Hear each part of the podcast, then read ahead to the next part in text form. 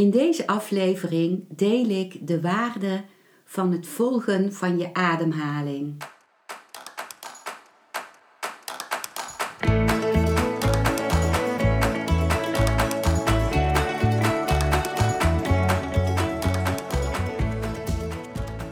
Welkom bij een nieuwe aflevering van Modita's podcast Van Pijn naar Zijn.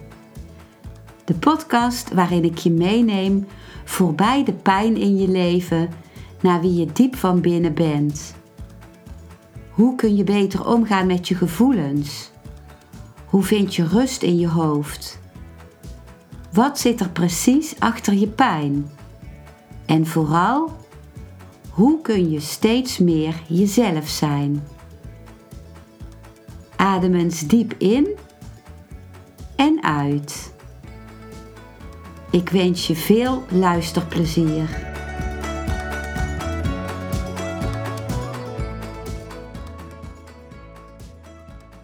Van de Oosterse mysticus Osho heb ik al heel vaak gehoord de uitnodiging om wanneer je er ook maar aan denkt en bij welke activiteit ook je ademhaling te volgen. En uh, ja, nu heb ik dat recentelijk ook echt gedaan. Voorheen had ik er ook wel weerstand tegen, ook al deed ik uh, af en toe de Vipassana meditatie, waar ik dadelijk iets over vertel, waarbij je de ademhaling volgt. En wat ik zelf ook uh, eerst heel erg nodig heb gehad, is om uh, alle spanningen en emoties die er in mijn lichaam waren te ontladen. En dat heb ik heel lang gedaan door middel van de Osho-dynamische meditatie, waar ik ook een aflevering van heb gemaakt. Dat is aflevering 25, die ik ook echt uh, aanraad om te beluisteren, omdat die zoveel kan brengen. Maar nu wil ik deze aflevering wijden aan het, de, de grote waarde die ik zelf ervaren heb bij het volgen van de ademhaling. En uh, wat ik graag met je wil delen, zodat ook jij kunt bekijken of dat uh, waardevol is voor jouw leven. Uh, de Vipassana-meditatie is een meditatie waardoor Boeddha uiteindelijk verlicht werd. En waar, uh, waarvan Osho zegt dat de meeste mensen in de wereld uh, verlicht zijn geweest met deze door, het volgen, door het beoefenen van deze meditatie. Dat is het volgen van de ademhaling waarbij je de ogen gesloten houdt. Dus dat maakt het nog gemakkelijker om bij de ademhaling te blijven zonder afleiding van buitenaf. Terwijl het ook zo is dat het geen concentratie is. Dus het is niet een hele scherpe focus waarbij je heel krampachtig alles, al het andere buiten probeert te houden. Alle geluiden die je hoort of uh, een gedachte die tussendoor komt. Nee, het is eerder een uh, je dan bewust worden van waar je uh, naartoe getrokken wordt buiten de ademhaling. En om dan terug te keren naar de ademhaling. Dus eigenlijk op een hele vriendelijke manier. Ik lees nu eerst uh, woorden van Osho voor over de Vipassana meditatie. En daarna vertel ik over hoe ik het volgen van de ademhaling ook heb gedaan bij wandelen en bij fietsen. Nu volgen hier eerst woorden van Osho. Vipassana is de meest eenvoudige meditatie in de wereld. Het is door Vipassana dat Boeddha verlicht werd. En het is door Vipassana dat veel andere mensen verlicht werden. Meer dan door welke andere methode ook. Vipassana is de methode. Ja, er zijn ook andere methoden, maar ze hebben maar een paar mensen geholpen. Vipassana heeft duizenden geholpen. En het is echt heel eenvoudig. Het is niet als yoga. Yoga is moeilijk, zwaar, complex. Je moet jezelf op veel manieren kwellen, je lichaam verdraaien, verwringen, op deze en gene manier pijnigen, op je hoofd staan, oefeningen en oefeningen. Maar yoga schijnt heel aantrekkelijk voor mensen te zijn. Vipassana is zo eenvoudig dat het aan je voorbij gaat. In feite, wanneer je voor het eerst met Vipassana in aanraking komt, twijfel je of het überhaupt een meditatie genoemd kan worden. Wat is het? Geen lichamelijke oefening, geen ademoefening. Een heel eenvoudig fenomeen. Alleen maar je adem gadeslaan. Naar binnen gaand, naar buiten gaand. Hem niet uit het oog verliezen. Dat is alles. Niet dat je je adem moet veranderen. Het is geen pranayam. Het is geen ademoefening waarbij je diep in moet ademen, uitademen, inademen. Niets van dat al. Laat de adem eenvoudig weg zoals hij is. Je moet er alleen één nieuwe kwaliteit aan toevoegen. Bewustzijn. De adem gaat naar buiten. Ben je ervan bewust? De adem komt naar binnen. Ben je ervan bewust? Je zult je gewaar worden van de adem die je neusvleugels aanraakt. Van dat ene punt word je je bewust. Je kunt je daar concentreren. De adem komt naar binnen. Je voelt de aanraking van de adem op je neusvleugels. Dan gaat hij naar buiten. En weer voel je de aanraking. Blijf daar, bij de punt van je neus. Niet dat je je moet concentreren op de punt van je neus.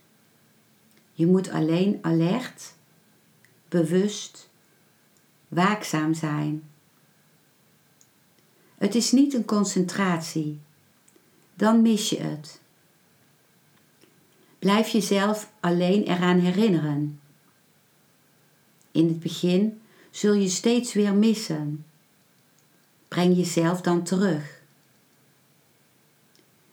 Wanneer het moeilijk voor je is, voor enkele mensen is het moeilijk de adem daar te volgen, dan kun je in de buik waarnemen. Wanneer de adem naar binnen gaat, gaat de buik omhoog. Wanneer de adem naar buiten gaat, gaat de buik naar binnen. Ga door met je buik gade te slaan. Dus dat uh, waren de woorden van Osho, of woorden van Osho over meditatie, over de Vipassana meditatie. En later heb ik in een andere discours van Osho ook gehoord dat iemand vroeg van, ja, moet je nou per se die, die adem op die punten volgen? En dat Osho zegt dan van, uh, nee, dat hoeft helemaal niet. Je kunt, je kunt elk willekeurig punt in je lichaam nemen om je adem te volgen. Het, het belangrijkste is het bewustzijn. In het Osho Internationale Meditatiecentrum in Pune, India, duurt de Vipassana meditatie één uur en bevat uh, die twee fases. En de eerste fase is 45 minuten zitten en dan doe je de Vipassana op de manier waarvan ik zojuist de woorden van Osho heb voorgelezen. Waarbij je een houding vindt waarin je gemakkelijk stil kunt zitten. Dus en als je dan van houding moet veranderen, dan is dat ook oké. maar doe het dan traag en met bewustzijn. En daar krijg je ook af en toe, uh, loopt iemand rond en die geeft uh, uh, soms een tik op je hoofd. En dat helpt je om alert te zijn en om je extra energie en aanmoediging te geven voor het, eh, het waarnemen van de ademhaling. En in de tweede fase van 15 minuten kun je kiezen om of te blijven zitten met gesloten ogen of om te lopen als meditatie. En dan, is, dan uh, besteed je je aandacht aan het voelen van de sensatie van je voeten die de grond raken terwijl je loopt. En je aandacht kan ook naar andere dingen uitgaan. Maar zodra je dat merkt, dat je ergens anders naartoe bent gegaan met je ademhaling, dan breng je zachtjes uh, en vriendelijk je aandacht terug naar je voeten die de grond raken. En je ogen houd je dan een paar stappen voor je op de grond gericht. Het is een, een langzaam en natuurlijk lopen, ongeveer de helft van je normale looptempo. Osho zegt, Vipassana betekent getuige zijn, dus waarnemer zijn. En Osho zegt dan, dat is de inzet van mijn hele leven geweest. Leren gewaar te zijn, getuige te zijn, alert en bewust te zijn. Iemand stelt Osho de vraag: Osho, ik dacht dat meditatie iets eenvoudigs was. Maar als ik mensen vipassana zie doen, verlies ik alle hoop om ooit een succesvol mediteerder te worden. Alsjeblieft, geef me een beetje aanmoediging. Dan zegt Osho: Paul, meditatie is eenvoudig. Juist omdat het eenvoudig is, ziet het er moeilijk uit. Je mind is eraan gewend om moeilijke problemen aan te pakken. En hij heeft helemaal vergeten hoe te antwoorden op eenvoudige dingen in het leven. Hoe eenvoudiger iets is, hoe moeilijker het er voor de mind uitziet. Omdat de mind heel efficiënt is in het oplossen van moeilijke dingen. Hij is getraind om moeilijke dingen op te lossen. Hij weet niet hoe hij het eenvoudige moet tackelen. Meditatie is eenvoudig. Je mind is complex. Het is niet meditatie die het probleem creëert. Het probleem komt van je mind, niet van meditatie. Dat waren woorden van Osho over de Vipassana meditatie. En Osho noemt dan dat door meditatie de meeste mensen verlicht zijn geworden. Maar hij benadrukt ook keer op keer om van verlichting geen doel te maken. Omdat je als je van meditatie een doel maakt, dan ben je weer met iets bezig in de toekomst. En dan kun je onmogelijk aanwezig zijn in het hier en nu. En dan verdwijnt ook de speelse houding die nodig is. Een, een, eigenlijk een houding van een kind die nieuwsgierig is naar wat er komt of naar wat er is van moment tot moment. En ehm, de reden dat ik deze aflevering maak is dat ik uh, ineens zo erg de waarde ervaar van het volgen van de ademhaling. Dat was op mijn balkon waar ik elke dag een uur mediteer. Uh, dus ofwel op mijn balkon of ik doe de osteodynamische meditatie, uh, waar aflevering 25 over gaat. En op die dag besluit ik om de Vipassana als meditatie te doen en om een ademhaling te volgen. En dat is eigenlijk omdat ik uh, daarvoor uh, een hele tijd uh, de meditatie heb gedaan van gewoon zijn met wat er is. En dat ik merk dat ik zoveel afdwaal dat ik echt een techniek nodig heb om me in het nu te houden. En dan is de meditatie of de ademhaling is dan heel mooi, omdat de ademhaling is er gewoon elk moment. Dus dat is iets wat elk moment te volgen is. En steeds als ik merk dat ik afdwaal, kom ik weer terug naar de ademhaling. Zonder ehm, mezelf op mijn kop te geven dat ik afgedwaald ben. Want als ik dat doe, ben ik weer bezig met iets wat niet in het nu is. Dan ben ik weer terug aan het gaan naar, oh, daar, waar verloor ik nou het contact met de ademhaling? En dan zit ik weer in het verleden. Nee, het is gewoon, zodra ik merk dat ik uh, afgedwaald ben, en dat gebeurt enorm veel keer tijdens zo'n uur, kom ik terug naar de ademhaling. En na dat uur merk ik dat ik zo rustig ben als ik mijn ontbijt klaarmaak, dat ik nog steeds in die stilte ben en dat ik het veel makkelijker is om bij het klaarmaken van mijn ontbijt te blijven zonder uh, en dat ik veel minder afdwaal. Ik kan niet zeggen zonder af te dwalen, maar ik dwaal dan veel minder af met mijn gedachten. En omdat het dan uh, een dag is waarop ik geen afspraken heb, besluit ik om, dit, uh, om die dag een vakantiedag te maken en om een fietstocht te maken en af en toe ook te wandelen en soms ook te wandelen met mijn fiets in de hand. En waar ik ook maar zin heb op een muurtje te gaan zitten, waar ik ook maar wil stoppen. En om dan het volgen van de ademhaling tijdens dat fietsen en wandelen te doen. En dat is zo mooi om te doen. Het, uh, het haalt me weg bij het gevoel dat ik überhaupt ergens naartoe moet met mijn fiets of om te wandelen. Het maakt in feite niet uit waar ik dat doe.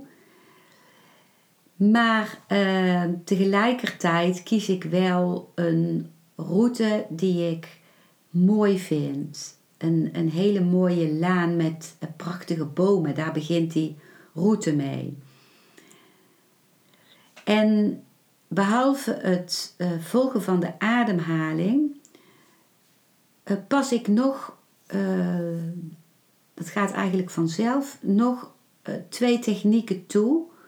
Die ik van de, van, ook van de Oosterse mysticus Osho heb ontvangen en die heel kostbaar voor me zijn. Ik merk dat die samenhangen voor mij met het volgen van mijn ademhaling. Dat die mij helpen om bij mijn ademhaling te blijven. En de eerste is dat ik me voorstel dat ik er lichamelijk niet meer ben. En uh, dat ik eigenlijk met mijn bewustzijn er ben, maar lichamelijk ben ik er niet meer. De wereld gaat door, maar ik ben er niet meer. En dat geeft mij een enorme ruimte. Ik, ik hou me dan niet meer bezig met wie ik ben of wie ik zou moeten zijn of wat mensen van me denken. En wat alle mensen die. Die laan waar ik doorheen loop is ook een fietspad, uh, twee richtingen op. En het is heel rustig hoor, die ochtend, maar daar komen heel regelmatig mensen toe en ik uh, voorbij. En dan is het zo fijn om me voor te stellen dat ik er gewoon niet ben. En het maakte ook dat ik me realiseer dat ik een tijdelijke gast ben in, in, in een wereld die dus verder gaat als ik er fysiek niet meer zal zijn. En het tweede is dat ik uh, kies waar ik me op richt. Dus uh, uh, wat ik wil zien. Dus ehm, wat ik Osho dan hoor zeggen is heel vaak, en wat ik ook herken, heel vaak uh, lees je automatisch de reclameborden. Ook al heb je ze misschien al tig keer gelezen of staat ineens een bord langs het fietspad en je leest de letters die erop staan.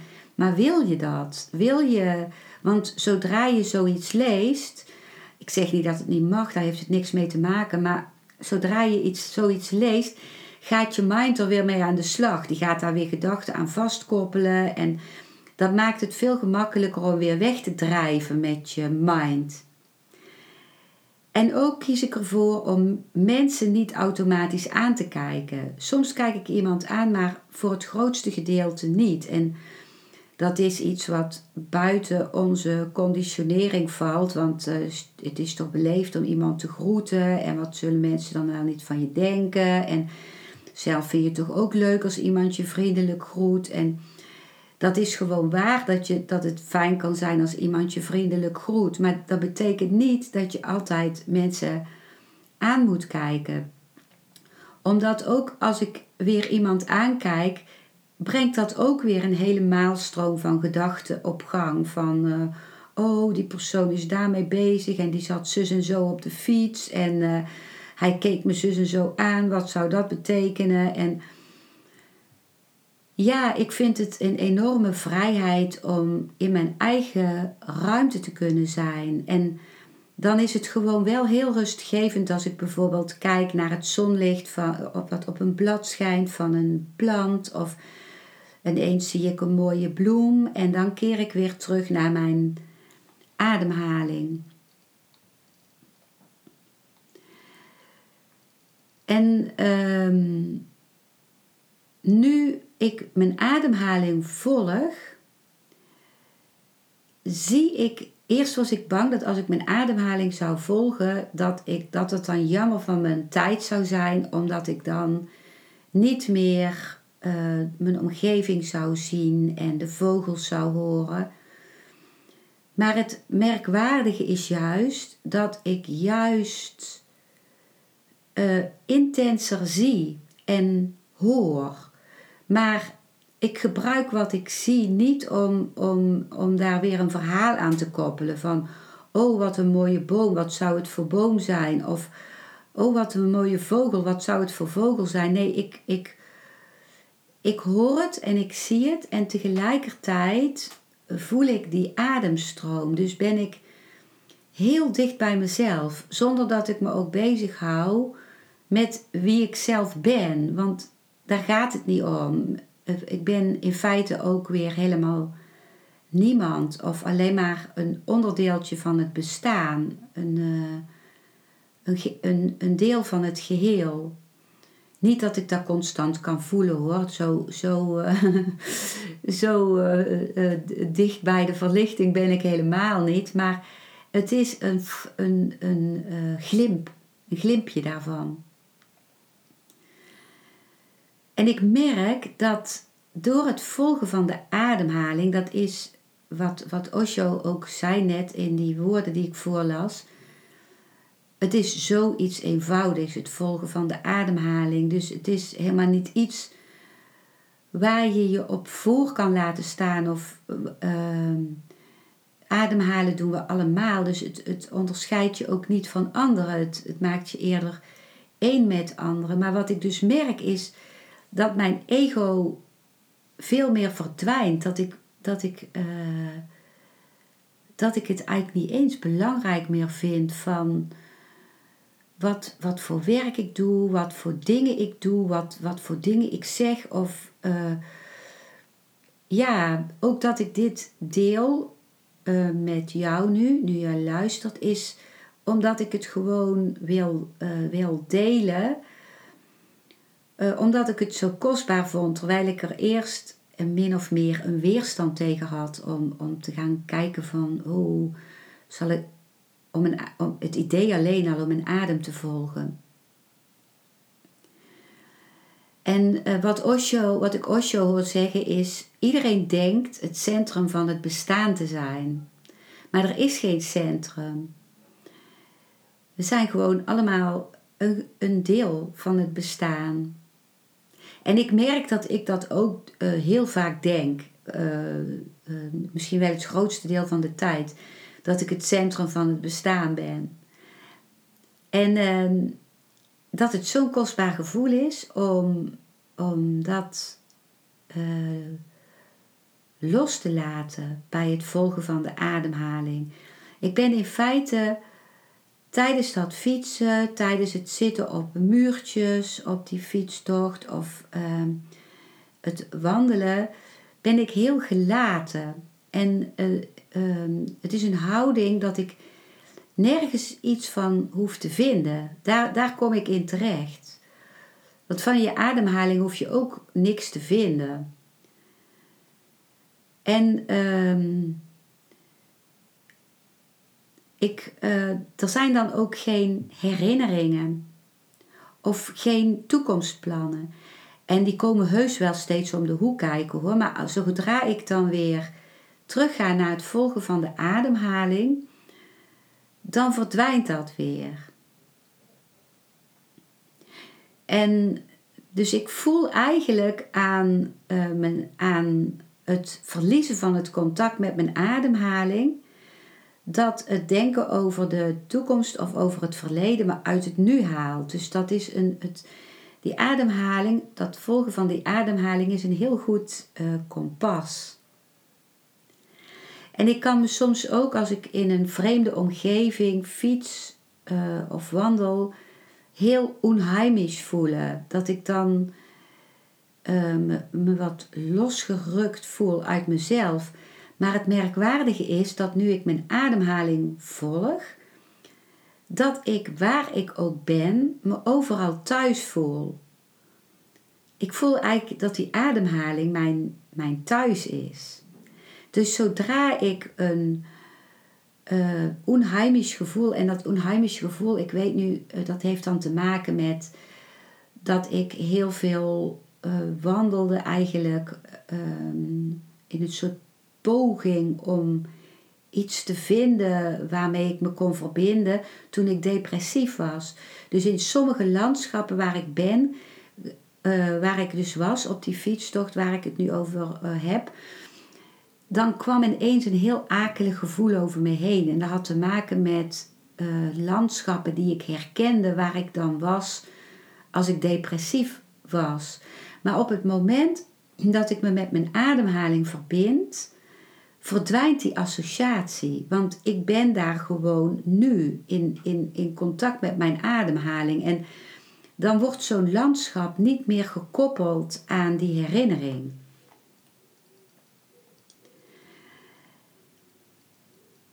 En soms worden er ook tijdens dat volgen van die ademhaling ehm, oude kindstukken in mij aangeraakt. Dat merk ik dat ik bijvoorbeeld ineens een enorme woede bij me opkomt. Dat ik heel boos ben over, op iemand en dat ik uh, van alles ga bedenken wat ik tegen die persoon zou kunnen zeggen. En zodra ik weer terugkom bij het volgen van mijn ademhaling, verdwijnt dat gewoon weer. Is dat. Maar ik merk dan wel hoe, hoezeer zo'n stuk in mijn lichaam nog verankerd zit. Dat zo'n pijnlijk kindstuk waar die woede met die persoon mee te maken had. En ehm, dat dus ook het volgen van de ademhaling mij in contact brengt met wat nog niet is opgelost. En op één zo'n moment uh, dat ik, uh, of op dat moment, uh, dat is één moment op die fiets toch, dat ik die kwaadheid volg, dan mis ik het bordje van de knooppuntenroute. Dus ik, ik fiets maar door en door en door op die weg. En dan kom ik geen bordjes meer tegen. Dus ik weet dat ik fout zit. En ik, ik realiseer me ook dat het met die kwaadheid te maken had dat ik uit het nu was. En dus ook een bordje dan niet meer zie. En dan keer ik om, terwijl het een hele lange weg is die ik terug moet fietsen. Maar zodra ik omgekeerd ben, krijg ik weer een goed gevoel. En dat vind ik ook wel heel symbolisch. Dat als je weer terugkeert naar het nu, dat het uh, meteen weer een verbonden gevoel geeft. Dus ik ga die helezelfde weg terug en uh, tot ik weer een bordje tegenkom, mijn laatste bordje wat ik nog wel gezien had. En dan ga ik dat bordje weer volgen en dan zie ik het bordje wat ik gemist had wel helder. Ook al was het een beetje onopvallend verborgen bijna in het struikgewas. En dat heeft te maken met de rust die ik weer heb omdat ik mijn ademhaling aan het volgen ben. Maar het kan ook heel bedreigend zijn om de ademhaling te volgen. Omdat het is heel raar. Uh, eigenlijk, als je die gaat volgen, dan val je terug op iets wat er gewoon al is, wat gebeurt buiten je controle om. Dus het, het, uh, het kan een gevoel van controleverlies geven. Ik, uh, ik herinner me ook dat ik uh, toen ik les gaf aan verpleegkundigen, toen, uh, ja, zij worden tijdens al die lessen natuurlijk overstelpt met, met informatie en dat realiseerde ik me ook heel goed. En heel vaak vroegen ze dan ook aan mij, kunnen we gewoon even niets doen? En wat zij met niets doen bedoelde was heel vaak dat ze dan, als ik hun hun gang liet gaan, dan dan gingen ze foto's uit hun tas halen. Of, of tegenwoordig is dat dan de mobiel hè, waarop je foto's kunt delen. Gingen ze al dat soort dingen doen. En dan zei ik nee, niets doen is ook echt niets doen. Maar dat, dat zeiden ze, we kunnen dan niet niets doen. Dat is ook heel moeilijk om niets te doen. En dan ehm, heb ik wel eens de opdracht gegeven om dan de adem te volgen. En een meisje raakte bijna helemaal in paniek. En ze zei: Ik vind dit heel eng om mijn adem te volgen. En ik herken dat ook. Ook zeker uit de, de periode dat ik depressief was. Ik, ik was toen uh, naar Pune gegaan, naar het Osho Meditatiecentrum, vanuit mijn depressie. En soms verdween de depressie dan als het ware, terwijl de, de wortels op dat moment nog steeds aanwezig waren. Hoe ik, hoe ik ehm, definitief uit mijn depressies ben gekomen, beschrijf ik in mijn boek Depressie, een opstap naar geluk. Uh, staat in de beschrijving onder deze podcastaflevering. Maar toen ik dus, ehm, eh, soms als ik in mijn depressie naar Pune ging, dan, dan uh, leek die depressie weer te verdwijnen. Omdat ik met gelijkgestemde mensen was. Met mensen die allemaal moeite deden om in het nu te zijn. Waarvan ik de achtergrond niet wist, wat voor werk ze deden, waar ze vandaan kwamen. Dat gaf een, een gevoel dat ik gewoon kon rusten in het nu. Maar op dat moment was ik heel depressief en ik wilde de Vipassana meditatie doen in de Boeddhahal. En ik nou, ik ben daar denk ik nog geen drie minuten gebleven. Het was zo bedreigend voor mij om mijn ademhaling te volgen. Het was echt omdat ik niet stil kon staan bij mezelf. Het was, uh, er zat zoveel onder wat omhoog dreigde te borrelen. Achteraf waren dat uh, kwaadheid en verdriet. Allemaal emoties die ik er in mijn depressie onbewust probeerde onder te houden. Dus in de depressie had ik gewoon geen emotie. Soms een woedeuitbarsting, maar bijna nooit een emotie. Dus dat is het vlakke en het grijze van de depressie. Maar op dat moment, toen ik in die vipassana meditatie raakte, ik helemaal in paniek. En toen zei iemand die ik uh, heel erg mag, uh, die, die, die zei: begin met je lichaam, begin met het lichaam. Dat is wat Osho altijd zegt. En voor mij was het dus eerst nodig om hele lange tijd de, de, Osho Dynamic meditatie te doen. En dat is ook wat Osho heel duidelijk aangeeft van um, begin niet met vipassana bijvoorbeeld. Begin, begin met ontladen, begin met ehm, expressie te geven aan je gevoelens en aan je, um, aan je emoties en uh, je lichaam de vrijheid te geven om uit te drukken wat het nooit uit mocht drukken. En um, ja, recentelijk las ik een stuk van uh, uh, iemand, uh, zijn naam is Jeroen, die uh, Vipassana, een Vipassana retreat heeft gedaan in Myanmar, in het voormalige Burma, van 60 dagen. En dat is natuurlijk een enorme lange tijd. En hij beschreef uh, dat toen ook echt trauma naar boven kwam. En dat daar op dat moment niemand was die hem daarbij kon begeleiden. En hij is toen later, net als ik nu doe, de Somatic Experiencing opleiding gaan doen. En nu kan hij ook uh, richtlijnen geven vanuit de Somatic Experiencing om uh, zo'n stilte-meditatie als Vipassana te kunnen doen.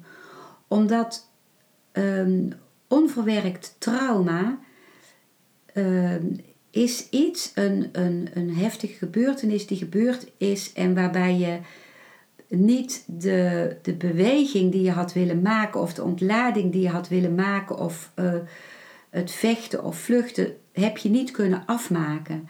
Dus dat zit in je lichaam bevroren, dat zit daar nog opgesloten.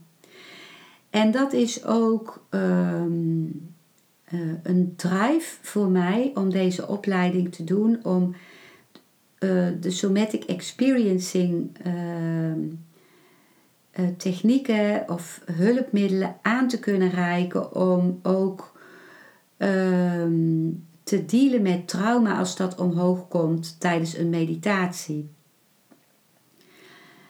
En ik heb daarin nog een hele lange weg te gaan, maar ehm, ik kan al wel drie principes noemen.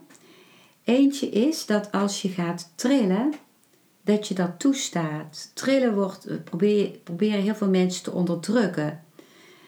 En ook uh, in een ambulance wordt heel vaak het trillen bij mensen onderdrukt door een injectie te geven of ze heel strak uh, vast te snoeren in die, op die brancard waar ze op liggen. Maar het, het trillen is juist de ontlading van het lichaam als er iets gebeurd is wat te heftig is geweest. Ik vond dat ook heel mooi om te voelen, terwijl ik toen niet van trauma afkwam. Maar toen ik aan zee was, dat, dat als ik heel lang in de zee had gezwommen, was ik helemaal afgekoeld. En dan ging ik staan op de kant op het strand en dan voor het eerst liet ik het toe. Als ik een beetje trillen voelde, liet ik mijn lichaam los. En dan begon ik helemaal te trillen, mijn hele lichaam. Dat zelfs mijn hielen van de grond kwamen bij het trillen. En, dat was, en mijn, mijn, tanden begonnen te klapperen. En het was zo heerlijk. Dat was eigenlijk een natuurlijke uh, Osho Kundalini meditatie, als je die kent. Dus trillen toestaan is belangrijk. Um, en wat het tweede principe wat belangrijk is, is het contact maken. Als je dus in zo'n paniek raakt van een trauma, contact maken met een mens. Echt oogcontact of, of een hand vasthouden. Of uh, als je dat uh, fijn vindt, vragen of iemand je wil omarmen. Maar al is het maar in de ogen kijken. Of als er een, geen mens is, dat je dan contact maakt via een van je vijf zintuigen via het zien, dus ergens naar kijken, heel gedetailleerd. Hoe ziet zo'n blad van de boom eruit? Of hoe ziet je eigen hand eruit? Of, dus kijken, luisteren, wat hoor je nu? Wat hoor je nu? Een vogel fluiten of hoor je je eigen ademhaling of hoor je geluiden in de verte? Ruiken, wat ruik je nu? Wat voel je nu? Hoe, raakt je, raken je voeten de grond of hoe raakt je lichaam de stoel of het kussen waar je op zit of uh, um, wat voel je als je wiebelt met je tenen bijvoorbeeld. Het voelen. Dus zien, ruiken, horen, voelen. En nou ben ik de laatste kwijt. Dat kan zijn de positie van je lichaam. Misschien kom ik er nog op of kom jij er zelf op. En dan het derde principe is een veilige plek te zoeken in je lichaam. Als er trauma omhoog komt, dan ervaar je je lichaam als onbetrouwbaar, want je bent in een situatie geweest waarin je hulpeloos was, waarin alles te veel werd. Dus je vertrouwt je eigen lichaam niet meer. Maar je kunt dan in je lichaam gaan zoeken naar een plek waar het wel veilig voelt. Ook al is het in het puntje van je neus of in je grote teen of in, een, een uh, in je onderarm of in je billen. Dus je gaat op zoek naar je lichaam, naar die veilige plek. Een plek waar het aangenaam voor, uh, is of waar het aangenamer is. Dus dat is even een uitstapje uh, voor wanneer het bij het volgen van de ademhaling even heel spannend voor je wordt. En als dat gewoon überhaupt te veel is, dan uh, en je hebt uh, heftig trauma meegemaakt, dan is in de eerste instantie traumatherapie of traumabegeleiding op zijn plaats. En meditaties waar je meer bij kunt bewegen. Wat ik een heel bijzonder gevoel vind en wat ik soms ook heel spannend vind om echt contact mee te maken, is het feit dat ik geademd word. Dat in feite, ik vind het ook bij het volgen van de ademhaling heel moeilijk om echt zo te volgen als de ademhaling is. Want het aparte bij de ademhaling is dat een, het, het gebeurt onbewust. Uh, gelukkig maar dat, ons, uh, dat we dat aan de wijsheid van het onderbewustzijn hebben overgelaten. Want anders zouden we heel vaak op een dag en, vooral ook s'nachts vergeten om adem te halen. Maar zodra je erop gaat letten, dan, dan beïnvloed je het bijna altijd alweer. Ik vind het heel moeilijk om een ademhaling te volgen zonder er iets aan te veranderen. En soms lukt dat heel even en merk ik dus dat ik geademd word. Het is niet eens iets wat ik doe, maar het gebeurt. Het, het gebeurt. Het is de prana-energie, het leven wat door mij heen stroomt, waar ik mee begonnen ben bij de eerste ademhaling, bij de geboorte. Uh, het, de adem is het leven, is het leven op deze aarde. En die adem, die golft door mij heen, zoals die door alle dieren heen golft en door alle andere mensen. En ehm, ja, dat is. Ehm, ja, die ademhaling is iets wat buiten mij om gebeurt, waar ik op drijf, waar ik op teer, waar ik, waar ik, ja, ik word geademd. En ineens op deze dag waarop ik uh, deze Vipassana fietstocht en wandeltocht doe, terwijl Vipassana eigenlijk met de ogen dicht is, maar uh, de ademvolg fietstocht en wandeltocht doe, vind ik het ineens zo kostbaar om, uh, om daarbij te zijn, om, om me daar bewust van te zijn. Die dynamische levenslijn die door mij heen loopt. En uh, waar ik misschien sinds mijn geboorte niet eens bij stilgestaan heb of bij geweest ben. En tegelijkertijd, nogmaals, is het ook bedreigend. Want eh, ik ben zo gewend om controle uit te oefenen op dingen en om iemand te willen zijn en om, uh, om te voelen van, oh, ik ben het zelf die leeft. En nou voel ik gewoon, nee, ik word uh, geademd. Ik word geleefd door het bestaan. Wat niet betekent dat ik ook niet uh, mijn creativiteit aan kan geven. Nou, ik ben heel uh, benieuwd wat jouw ervaring is met het volgen van je ademhaling en of je het, ehm, als je het niet doet of nooit gedaan hebt, of je het een een mooi idee vindt om het eens een keer uit te proberen. Mocht je uh, daar iets over willen delen, ben je natuurlijk van harte welkom. En uh, ja, ik wens jou een hele uh, kostbare ervaring met jouw ademhaling. Dankjewel voor het luisteren naar deze aflevering. Ik hoop dat hij je een nieuw inzicht of perspectief heeft gegeven. Ik hou van interactie, dus als je iets wilt delen, Stuur me dan een mailtje op info.genietenvanmeditatie.nl. Ik geef je dan altijd antwoord. Ik wens jou dat je vreugde in het dagelijks leven zult ervaren en innerlijke rust. En dat je steeds meer je pijn zult kunnen omvormen in zijn.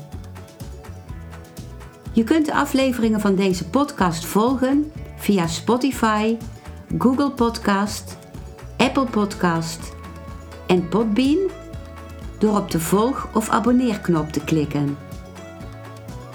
Als je luistert via de Apple Podcast, dat kan alleen als je een iPhone hebt, heb je een extra voordeel. Omdat als je op de knop abonneren klikt, je steeds een berichtje op je mobiele telefoon ontvangt als er weer een volgende aflevering van mijn podcast verschijnt. Je bent van harte welkom bij die volgende aflevering.